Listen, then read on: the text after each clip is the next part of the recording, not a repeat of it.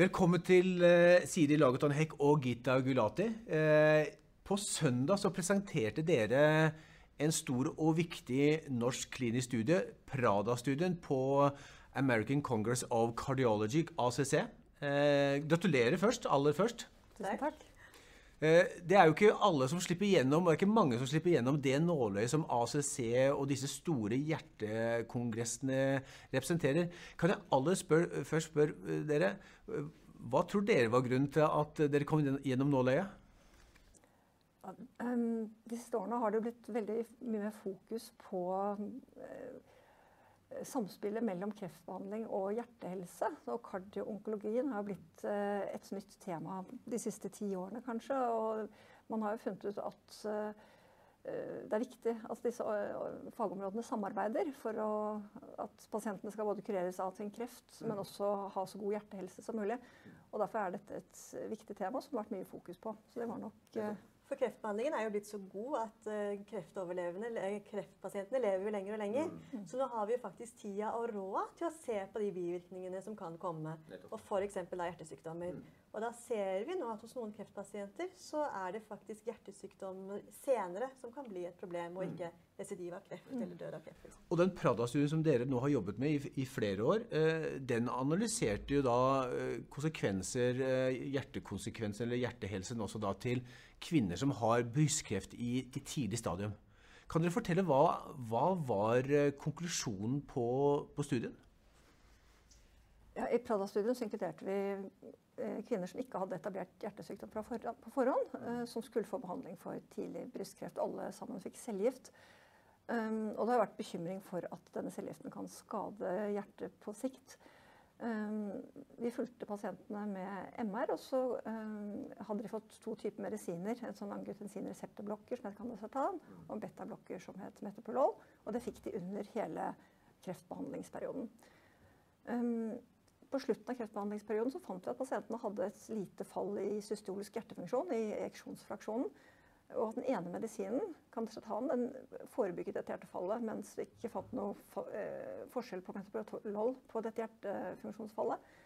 Men eh, forandringen var mindre enn det man var forventet. Og det har vel også fått bekreftet av senere studier at eh, de nye, mer moderne eh, kreftbehandlingene kanskje ikke gjør så stor skade på pasienter som ikke har etablert hjerteskade fra før. Mm. Men nå har vi da gjort denne oppfølgingsstudien. Og da innkalte vi pasientene litt over et år etter at de var ferdig med all kreftbehandling. Og da hadde de ikke fått uh, hjertemedisinene heller i denne perioden. Så det var over et år siden de sluttet på hjertemedisinene. Og det vi fant da, som vi syntes var veldig interessant, var jo at pasientene hadde fortsatt et lite fall i systolisk funksjon. Men det var ikke lenger noen forskjell på pasientene som hadde fått verken Candesartan eller Metoprol eller placebo. Så det betyr jo at uh, for det første at uh, forandringene altså hjertefunksjonsfallet er for de aller fleste i relativt friske pasienter lite. Og at hjertesviktmedisinen ikke hadde noen forebyggende effekt på sikt mm. i denne pasienten. Det er interessant. Eh, Gitta, hva er de kliniske implikasjonene av, av det som nå Siri eh, beskriver? Jeg tror dette er en veldig god nyhet for brystkreftpasientene. For generelt sett så er fallet i hjertefunksjon veldig liten. Mm. Og det gjelder jo for de fleste som får denne behandlingen. Og så ser vi jo da at i starten, sånn som på mange andre studier, så var fallet så var det et mm, lite til moderat fall. Og eh, dette, denne fallet var det forskjell da, hvis du brukte hjertemedisiner eller hvis du ikke brukte hjertemedisiner. Mm. Og så ser vi nå under oppfølgingen at nå er det fortsatt et lite fall, kanskje lite til moderat fall, men det er ikke noe forskjell om du bruker hjertebeskyttende medisiner, eller om du brukte unnskyld, mm. hjertebeskyttende medisiner mm. eller ikke. Og jeg tror det viktige i dette er, det er at kanskje vi nå ikke skal fokusere på alle brystkreftpasientene, fordi dette lille fallet klinisk sett kanskje ikke har noe betydning. Mm. Men det vi heller bør fokusere på, er kanskje mer en høyrisikogruppe. Mm. F.eks. de som får høyere doser antrasykliner, de som har flere komorbiditeter med tanke på etablert hjertesykdom. Og kanskje til og med så kan vi nå prøve andre hjertebeskyttende medisiner enn de hjertemedisinene vi brukte. Mm. Så, så, det du sier, og det dere sier, det er at eh, det å, å behandle eh, kvinner som eh, i tidlig brystkreftfase som har da gått gjennom en brystkreft, eh, brystkreftbehandling generelt med hjertemedisiner, det er ikke noe god idé. Man må se etter kvinner i, i, i risikogruppen for å utvikle hjerte-karsykdom. Det er helt riktig. fordi det har lenge vært en debatt om man skal gi alle kvinner som får brystkreftbehandling, mm. hjertebeskyttende medisiner under kreftbehandlingen. Og det er det ikke så veldig gode holdepunkter for nå lenger. Verken fra vår studie eller fra andre mm. studier. Mm. Siri, er det, du var litt inne på det, men er det fordi at uh, selve brystkreftbehandlingen uh, med bl.a. cellegift og Herceptin og andre legemidler at den har blitt såpass uh, god og, og, og spesifikk at, at, det reduserer faren for at man får hjertesykdom? Det er vel flere elementer. Eh, for det første så har det jo vært mange forbedringer over de siste tiårene egentlig i behandlingen. Det er lavere antracyklindoser. Det er litt snillere typer antracykliner, som eh, den ene typen cellegift. Um, man gir, hvis man skal få både antrasykliner antracykliner og herceptin, så gir man det ikke lenger samtidig, men etter hverandre, noe som også gir mindre skade. Og så er det nok uh, noe som også er veldig viktig, at uh, fagmiljøene er blitt mye flinkere til å samarbeide. Man vet mye mer om risikofaktorer, sånn som f.eks. etablert hjertesykdom. At man undersøker pasientene på forhånd, optimaliserer behandling, kanskje følger de som har høyest risiko, tettere. Og de pasientene som har den aller høyeste risikoen, vurderer om de kanskje skal få en annen type kreftbehandling som er mindre skadelig for hjertet. Mm. Blei dere overrasket over konklusjonen? Jeg tror etter de funnene vi hadde i, Prada, i den første Prada-studien, så blei vi nok overrasket over at fallet i hjertefunksjonen var såpass lite. Fordi mm. man alltid trodde at fallet var mye større. Mm. Og noe av grunnen til det er jo fordi de tidligere studiene har vist det. Men det har jo vært studier med mye høyere antracyklin-doser og mer sykere pasienter enn det vi hadde. Så nå på oppfølgingsbiten så er vi vel ikke så veldig overrasket over at den effekten ikke var så stor. Så det, Den pasientgruppen dere så på, det var jo kvinner med tidlig brystkreft, som har jo en god prognose. Eh, kan dere si noe om hva dere tenker om kvinner som da har brystkreft med spredning og, og fått mer, en, er, er mer alvorlige tilfeller? Jeg tror at clouet der er at brystkreftbehandlingen er kanskje mye snillere enn det man trodde før. Spesielt fordi man nå bruker andre doser og litt annen behandling, og mye bedre behandling. Mm. Og så er det dette med at vi kan følge opp pasienten mye tettere. slik at hvis vi f.eks.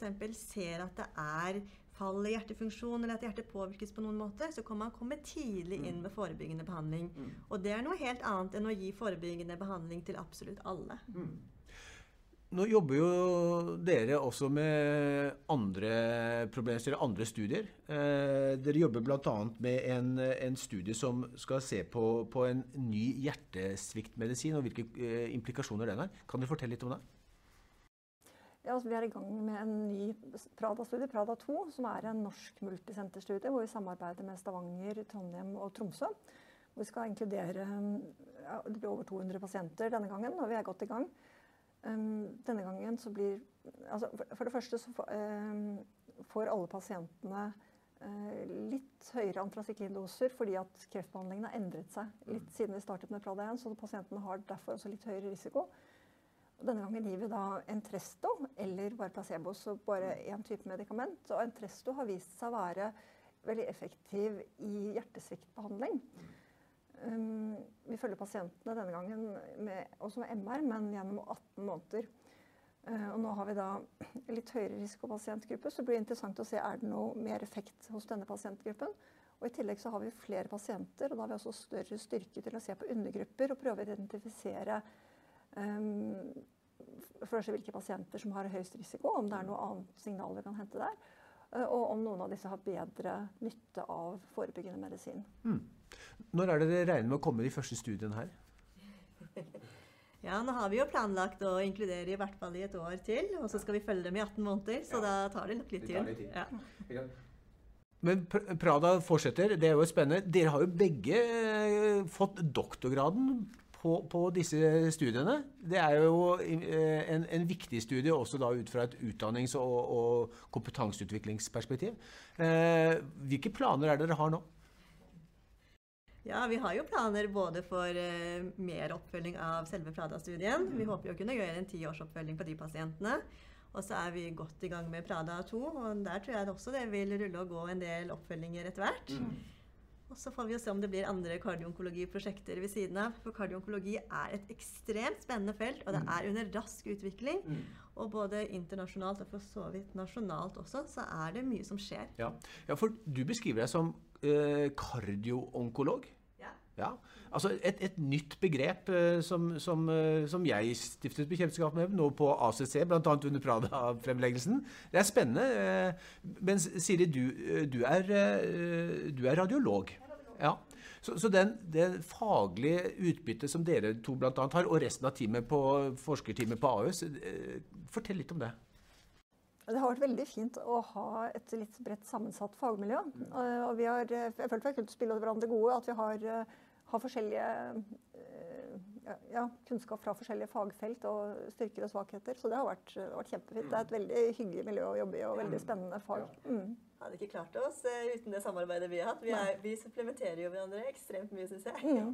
og så er det selvfølgelig Torbjørn Omland da, som Ja. styrer studiene, og ja, som eh, har vært ekstremt flink på å styre oss igjen. Og, og det har vært et, et godt og bredt samarbeid med mange avdelinger. Vi har hatt onkologisk avdeling, det er hjerteavdelingen, radiologisk avdeling, eh, brystkirurgene. Det har vært eh, et eh, godt og morsomt samarbeid. Og jeg følte at det har også brakt miljøene nærmere sammen klinisk. Eh, og det er også en positiv eh, spin-off-effekt. Og på Ahus så, så vi egentlig dette ganske tydelig, for da var det ikke så god kontakt mellom kardiologene og onkologene og den behandlingen som foregikk.